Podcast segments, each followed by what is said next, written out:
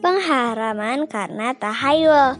Contoh lain tahayul pada masa jahiliyah adalah pengharaman wasilah dan ham untuk dikurbankan.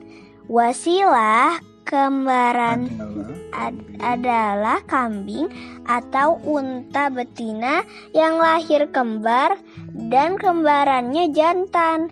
Ham adalah unta jantan yang telah mengawini unta betina sepuluh kali. Ham diharamkan dagingnya tidak boleh minum air atau makan rumput di mana pun dia suka. Bahkan tidak boleh digunakan untuk mana untuk apa pun. Ada pula Bahira dan Saibah. Bahira adalah unta yang telah melahirkan lima kali dan anak kelimanya jantan. Bahira dibelah telinganya lalu dibebaskan serta diharamkan air susu dan dan punggungnya tidak boleh ditunggangi.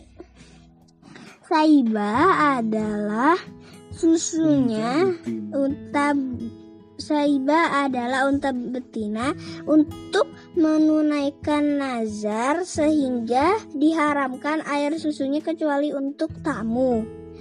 Penunggu punggungnya dan bulunya Masyarakat Arab jahiliyah mengatakan bahwa wasilah ketentuan dari Allah wasilah hamba hira dan saibah bukanlah tahayul melainkan ketentuan dari Allah Subhanahu wa taala dalam surat Al-Maidah ayat 103 disebutkan bahwa Allah tidak pernah menentukan hal tersebut dan masyarakat jahiliyah telah mengadakan kebohongan terhadap Allah.